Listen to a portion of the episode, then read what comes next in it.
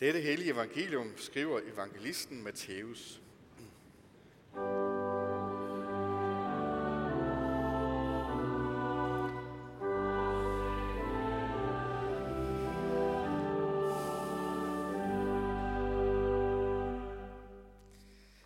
Da Jesus så skarne, gik han op på bjerget og satte sig, og hans disciple kom hen til ham. Og han tog til ord og lærte dem.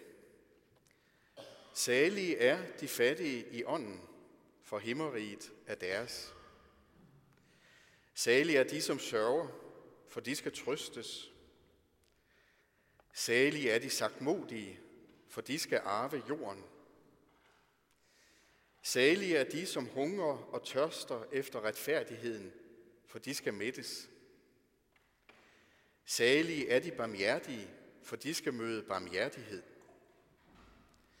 Salige er de rene af hjertet, for de skal se Gud.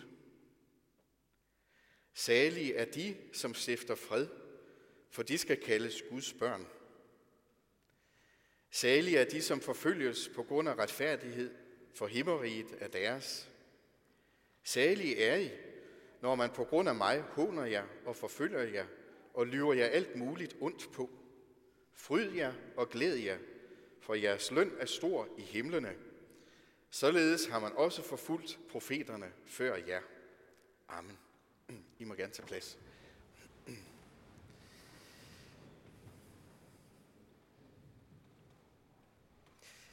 Det skal handle om lykke i dag. Jeg vil sige noget om lykke.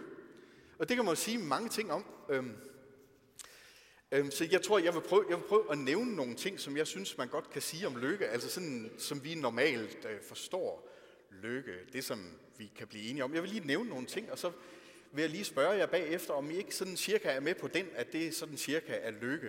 Øh, noget, der hører med til lykke, det jeg nævner her. For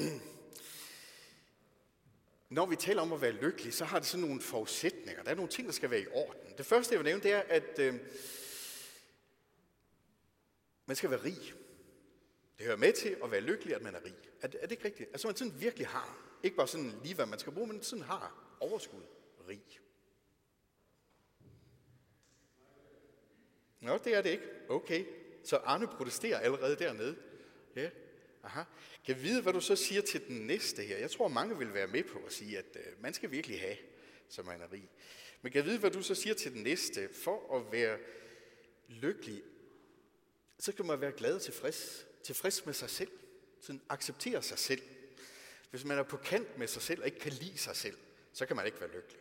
Altså selvaccept. Den er god nok. Okay. Næste, jeg vil nævne, det er, at øh, man skal have magt over det. På en eller anden måde skal man have magt over sit eget liv, magt over sin egen tilværelse, så man selv styrer og kontrollerer. Ikke også? Så når man ikke bliver kostet rundt med, men så når man selv bestemmer. Autonomi, magt over det. Mm. Det var det tredje. Det fjerde, det er sorgløshed. Altså, at være lykkelig, så har man ikke sådan store bekymringer og sover, og så lider man ikke. Altså, man er ikke syg og lider. Man er ikke bekymret sådan. Sorgløshed. Let, ikke også? Ikke tynget af noget. Det femte, det er, at, øh, at man har lov til at beholde det, der er mit. Det, som man selv har gjort sig fortjent til, det, som man selv har tjent til, at det har man. Og det har man herredømme over. Så det er mit. Der er forskel på mit og dit, og mit, det tilhører mig. Altså, hvad skal vi sige, privat ejendomsret til de ting, man har gjort sig fortjent til, som nummer fem. Nummer 6, det er sex. Øhm, jeg, jeg tror, at, at de fleste vil sige i dag, at med til sådan at være rigtig lykkelig, der hører altså godt øh, og varieret sexliv. Altså hvor der, sådan, hvor der sådan virkelig er noget action, ikke også? Og, og hvor det er lidt spændende, fordi, øh, fordi ellers er det bare for sløvt, ikke også? Øh, jeg tror, at mange oplever, at det sex, det er nok det nærmeste, de nogensinde kommer på at komme i himlen, faktisk. Men i hvert fald sex hører med. Godt, velfungerende. Mm, ikke også? Det syvende, der hører med til lykkebegrebet, det er succes. Det er at være en vinder. Ikke en taber, men en vinder. At have succes med det, man gør. Ikke? Hvem, hvem gider være en fiasko? Hvis man er en fiasko, så kan man da ikke være lykkelig, vel? Men vinder, ikke? En, der har gjort det. En, som folk øh, beundrer, kigger på. Og det 8. det sidste, jeg vil nævne, det er lykkelig. Og så har man de andres respekt. Så skal man være et menneske, som de andre anerkender og siger, hmm, okay, han eller hun er en ordentlig person. Det er bare i orden, det der. Respekt. De her otte ting, som jeg nævnte nu, kan vi ikke sådan nogenlunde blive enige om, at de øh, hører med i det, når man sådan taler om lykke, sådan gennemsnitligt øh, øh, derude i samfundet? Se, Arne han er ikke helt med på den her, men sådan derude i samfundet, det er også øh, rigdom, sorgløshed, magt, selvaccept, at man kan bevare det, man selv har gjort sig fortjent til, sex, succes og respekt. Altså, hvis man er lykkelig, så skal man have nogle af de her ting. Det kan godt være, at der er noget mere også, men i hvert fald de her ting. Og hvis man siger det modsatte, at det modsatte er lykken, så er man fuldstændig gak. Det modsatte er rigdom, succes, fremgang, sex, respekt, selvaccept, at det modsatte er det, at det er lykken. Godt, okay, så prøv at forestille jer, at der kom en prædikant forbi en dag. Han blev faktisk vældig berømt med tiden og har skrevet en af de mest berømte prædikner i hele verden. Og han sagde lige præcis, at salig,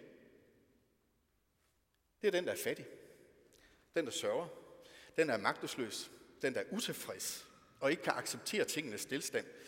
Den, der viser barmhjertighed. Den, der lever i kyskhed. Den, der stifter fred. Salig er den, der bliver hånet. Sådan sagde han. Sådan sagde han i væk. Han gjorde Jesus. Sådan sagde han. Det var rent faktisk det, han sagde i verdens mest berømte prædiken. Han skifter lykkebegrebet ud med noget andet salig. Lykke, det har sådan lidt tilfældigheden sker over sig. Det er altså noget, der falder i vores lod. En appelsin, der falder i vores turban. Vi er sådan passive modtager, vinder i lotteriet. Ikke? Ui, så bliver man lykkelig, så har man haft en lykkelig dag. Salig, det er noget andet, det er aktivt. Vil du være salig, så må du bevæge dig hen og stille dig et sted. Og når du står der, så står du på en rigtig måde, det rigtige sted. Og der, der er du salig. Salig er de fattige i ånden, for himmeriget er deres. Salige er de. De er fattige. De har ingen ejendom. De kræver ikke nogen ejendom. De har skåret forbindelsen bort mellem deres egen identitet og alle de der ting, man kan købe for penge. Man kan købe vældig meget for penge. For penge kan man købe alt det, man kan købe for penge. Det er det, man kan med penge. Og som det dog betyder meget for manges identitet. Det, som de har. Det, som de kan få. Det, som de presser ud af tilværelsen. Rigdom. Særligt er de fattige. Dem, der er ubundet, utvunget. Dem, der klarer sig uden, selvom de måske har. Dem, hvis identitet ikke afhænger af det. Mother Teresa blev inviteret til Harvard Universitet for mange år siden. Det er en berømt lille anekdote, det her. Hun øh, fik en, en, øh, en invitationsskrivelse, og den lød nogenlunde sådan her. Jeg citerer lidt efter hukommelsen. Det siger, det vil glæde os at se dig, Moder Teresa, fra et af verdens fattigste lande tale til os her i et af verdens rigeste lande. Og det første moder Teresa gjorde, da hun steg op på talerstolen der, hun var jo en lille kvinde. Og når man er lille bitte, så kan man sige de mest uhørte ting og blive hørt efter alligevel. For så er man ikke så stor en udfordring. Så hører folk efter det, man siger, i stedet for at se på ens størrelse. Den fordel havde moder Teresa. Så hun sagde, I tager fejl. Jeg kommer fra Indien. Der er vi rige. Vi er rige på varme forhold til hinanden. Vi er rige på åndelige ting. Og I her i USA, sagde hun, I de mest fattige mennesker, jeg kender. Blandt de fattigste i verden. I er så fattige, at forældre ligefrem overvejer, om de vil have det barn, der er på vej. For de frygter, at barnet måske bliver lidt fattigt, eller at de selv måske kan blive lidt fattige. Så de tænker om mennesker, som om det var en bil, man skulle købe, eller en ny køkkenmaskine. Kalkulerende, afvejende, har vi råd. Og et menneske er det mest rige, der findes, den største gave, som aldrig kan være et middel til noget, men som altid er et mål i sig selv. Sådan sagde mor Teresa. Salige er de fattige i ånden, siger Jesus. Salige er de, som sørger, for de skal trøstes, siger han. Salige er de, som sørger. Der er en sorg, der hører med til at være menneske. Og når man så bliver en bevidst kristen, så forsvinder den sorg ikke, men den bliver dybere og større. En sorg. En sorg over det onde. En sorg over liv, der ødelægges. For hvor er mennesker dog værdifulde? En sorg og en smerte over, som det dog går. Den sorg. Den dag vi mister den sorg, der bliver vi umenneskelige. Der behandler vi hinanden som dyr, som om det ikke var Gud, der har skabt os. Og den sorg, den bliver forstærket, når vi kender vores skaber. Den sorg over mennesker, som vi er skabt til at leve sammen med, men som går tabt for os, fordi døden røver dem bort. Den der sorg. Vores sorg er ikke uden håb, men den er der. Kristendom er ikke sådan happy, happy, nu er vi alle sammen glade, lad os klappe en kage. Det er ikke det. Kristendom er seriøs. Det er seriøs, seriøsitet omkring det, der er galt i verden. Og en dyb, glædelig seriøsitet om alt det gode, Gud har til os. Særlig er de, der sørger, for de skal trøstes. Ja, vel skal vi så. Han sendte sin søn, gjorde han, vores gode Gud, for at vise, at han kan gå ind i alt det, der giver sorg, og vende om til glæde og dans. Salige er de sagtmodige, siger Jesus. De sagtmodige, for de skal arve jorden. I medierne, der siger vi, salige er de mægtige. Wow, de stærke, de rige, dem, der virkelig har ressourcer. Dem, der kan dirigere rundt med raketter og rig og ressourcer. Ja, salige er de sagtmodige, siger Jesus. Hvem er de sagtmodige? De sagtmodige er det slapsvanse. Sådan underlige nørder, der tøffer rundt med mærkelige rygsække. Ah, ah, det er det ikke. Sagtmodige, det er dem, der har modet til at færdes sagte. For for at gøre det, og ikke buller sig frem, for at gøre det, så hviler man i sig selv.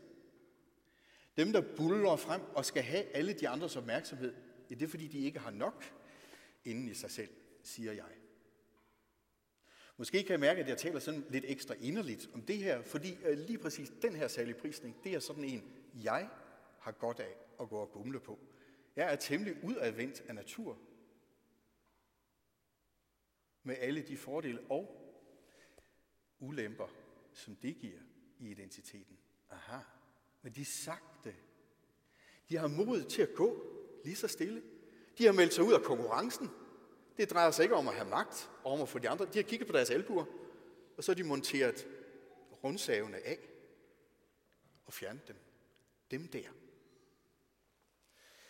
Hvis vi kigger os om i de kredse, vi kommer i, og lige holder mund et øjeblik, så får vi øje på dem, de der sagte mennesker, som gør os andre så stor en tjeneste, fordi de er der, de ser, de holder af, de løfter, de hjælper, de er der altid. De der mennesker. De findes overalt. I familien, i kirken, rundt omkring. De der mennesker. Yes. Dem, der har mod til at være stille. Og ikke ser livet som konkurrence. Hey, Gud, Gud er faktisk meget sagtmodig på mange måder. Han buller jo ikke frem. Det er meget sjældent, Gud gør sådan virkelig et stort under, så man siger, wow, det er meget, meget sjældent. For det meste, så arbejder han lige så stille, taler lige så stille, arbejder gennem naturlovene, igennem en bog, Bibelen, sine ord der. Hmm, han færdes meget, meget sagte. Han, da han kom, der blev han født som en baby. Altså, er det en måde at træde ind i verden på?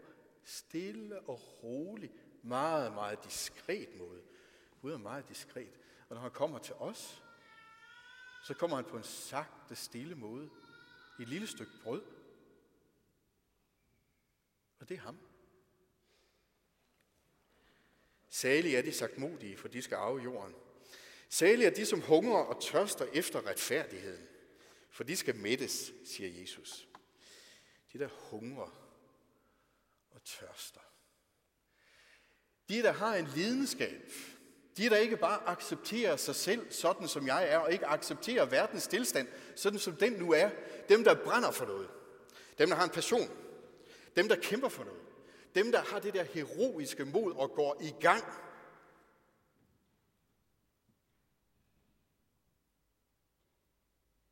Har vi lidenskab? Mange har ligusler. De klipper deres hæk, plejer tingene og holder det, så det er rigtig pænt, og ligesom det skal være, og ligesom det altid har været. Men lidenskab? Nej. Hvem vil forandre verden? Når vi møder en, der vil forandre verden, og virkelig brænder for noget, så siger vi, ah, han er da vist ved at være lidt fanatisk, er han ikke? Når vi møder en, der virkelig har en passion, så siger vi,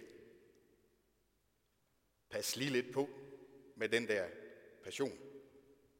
Det kan jo godt blive lidt ekstremt. Æ og. Særligt er de, der hungrer og tørster. De, der ikke accepterer verden, som den er, men hungrer efter retfærdighed. De, der lader sig motivere, når de mærker det der ubehag. Det der ubehag, når man ser nogen, der undertrykkes og udnyttes og mases. De, der handler på deres hunger. Eller de, der handler på deres tørst, mærker deres egen tørst og længsel efter hellighed. Længsel efter godhed. Kære Gud, så gør mig dog til et ordentligt menneske. Det, der lader sig motivere af det. Og ikke bare åbner en pose Matadormix for en fjernsyn, men de, der virkelig gør noget. Særligt er de, der hungrer og tørster efter retfærdigheden. De, der har lidenskab. Gå ind i politik og forandre verden, så den bliver bedre. Gå i kloster, så du kan forandre dig selv, så du kan blive et ordentligt menneske. Søg Gud og gør noget godt i verden. Salige er de, der hungrer og tørster efter retfærdighed, for de skal mættes. Salige er de barmhjertige, siger Jesus, for de skal vises barmhjertighed. De barmhjertige. De barmhjertige. Dem, der giver, det gør som ikke så meget, fordi det er bare fint, hvis du kan bruge det. Nå ja, jeg kan godt klare mig uden. Men du, hey. Dem, der siger, hm, kære ven, ja. Jamen, jamen, jeg er jo altså kommet herhen til dig, fordi, jamen, fordi, bare fordi du er, jeg kan godt lide dig. Jeg ved godt, jeg behøver ikke at komme. Det kan godt være, jeg har andet at lave, men nu er det altså lige dig, jeg besøger. Barmhjertighed. Med til lykken hører, at vi har råderet over det, der er vores eget, det vi har gjort os fortjent til. Men det der princip med, at man skal have lov at råde over det, man har gjort sig fortjent til, er det det, der kan redde os. Tanken om at give en vær, som han har fortjent. Er det det, der kan redde vores parforhold? Vores forhold til vores forældre, at vi giver dem, hvad de har fortjent. Er det det, der kan redde vores forhold til vores ægte, vores ægtefælle arbejdskammerat, at det går efter fortjeneste. Nej. Verdens håb, det er barmhjertighed. At det går os meget bedre, end vi har fortjent. At de andre elsker og siger, det tilgiver vi. Slut med det. Barmhjertighed. Det er verdens håb. Særlig er de rene af hjertet, for de skal se Gud, siger Jesus. rene af hjertet. Med det samme, man taler om renhed, så tror jeg, vi kommer til at tænke på sex. Verden er der fuld af sex. Hold da op, mand. Og hvor det tager til i alle mulige former, på alle mulige medieplatformer. Der har aldrig nogensinde været så meget sex i verden. Og så lidt kærlighed. Det er utroligt, hvad seksualitet kan gøre. Når det er sådan, at menneskers seksualitet falder ned på det der instinktniveau, det der dyriske niveau, så bliver det næste som noget, man tænker, det er noget, fanden har skabt for at ødelægge. Når seksualiteten løftes op og lægges ind i Guds plan, så bliver den til en enorm glæde og velsignelse. Men hold op, sex bruges som argument for vældig meget. Sex kan bruges som argument for, at jeg var jo nødt til at, øh, fordi øh, jeg har godt nok stået i kirken og lovet. Det er det ene menneske og elsker og ære, men mm, så skete der lige noget. Og vi kunne ikke beholde bukserne på. Sexlyst har lov til at annullere løfte. Det er sådan, vi taler om det. Vi skal vise en enorm tolerance, og jeg er sikker på, at jeg kan få mange bank for noget af det, jeg står og siger nu. Eller noget af det, folk mener, at jeg siger. Men det er som om sex er et argument for at svigte hvad som helst. For at ødelægge et hjem. For at sende sine børn afsted i en tilværelse, hvor de pendulerer imellem forældrene. Hvad kan sex dog ikke gøre ved folk? Det kan få dem til at synke ned på et niveau, så de mister enhver form for fornuft. Det er jo det, vi ser i hele MeToo-kampagnen her. Folk, der brænder af begær, er optændt af deres egen lyst. De kan ikke engang tænke rationelt længere. De mister fornuften og bliver bavianagtige. Tror, de kan tillade sig hvad som helst. Og søge Gud? Ja, det kan de i hvert fald ikke. Ikke i den tilstand.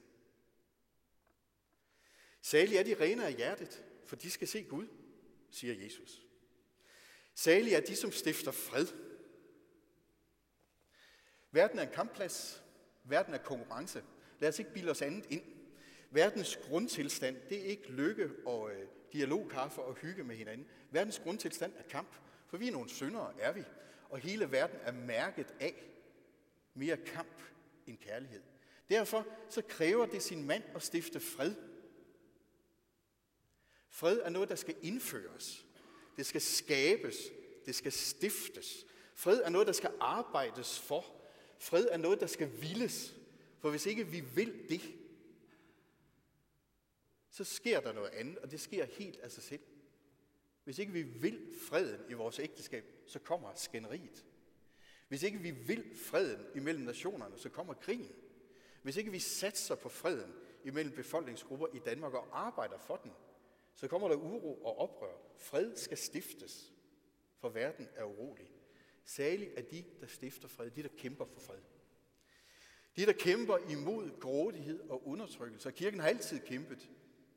Faktisk er der et ord for kirken, en betegnelse for kirken her på jorden. Og den hedder Ecclesia Militans. Den kæmpende kirke. Den, der kæmper imod det onde og for fred med Gud med dig selv og med din næste. Særligt er de, der stifter fred. Og det sidste. Salige er I, når I forfølges på grund af retfærdighed. Hvilken salighed ligger der i forfølgelse? Skal man være lykkelig, så må man være elsket og respekteret og set op til, ikke sandt? Men Jesus siger, salige er I, når der mangler kærlighed og respekt. Salige er I, når I bliver hånet.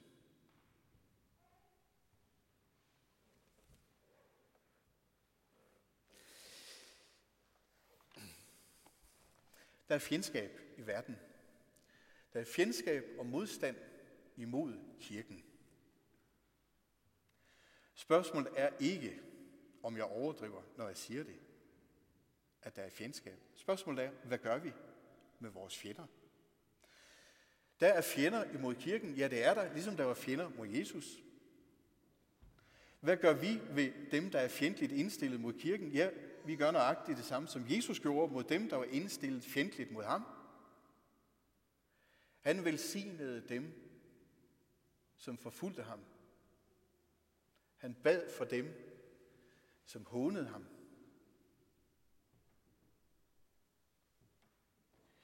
Særlig er man,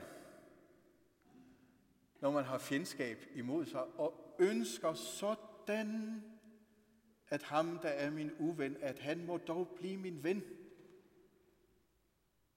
Særlig er du, når du omgås din modstander, sådan at man kan mærke, at du bare ønsker, at din modstander bliver din medkristne.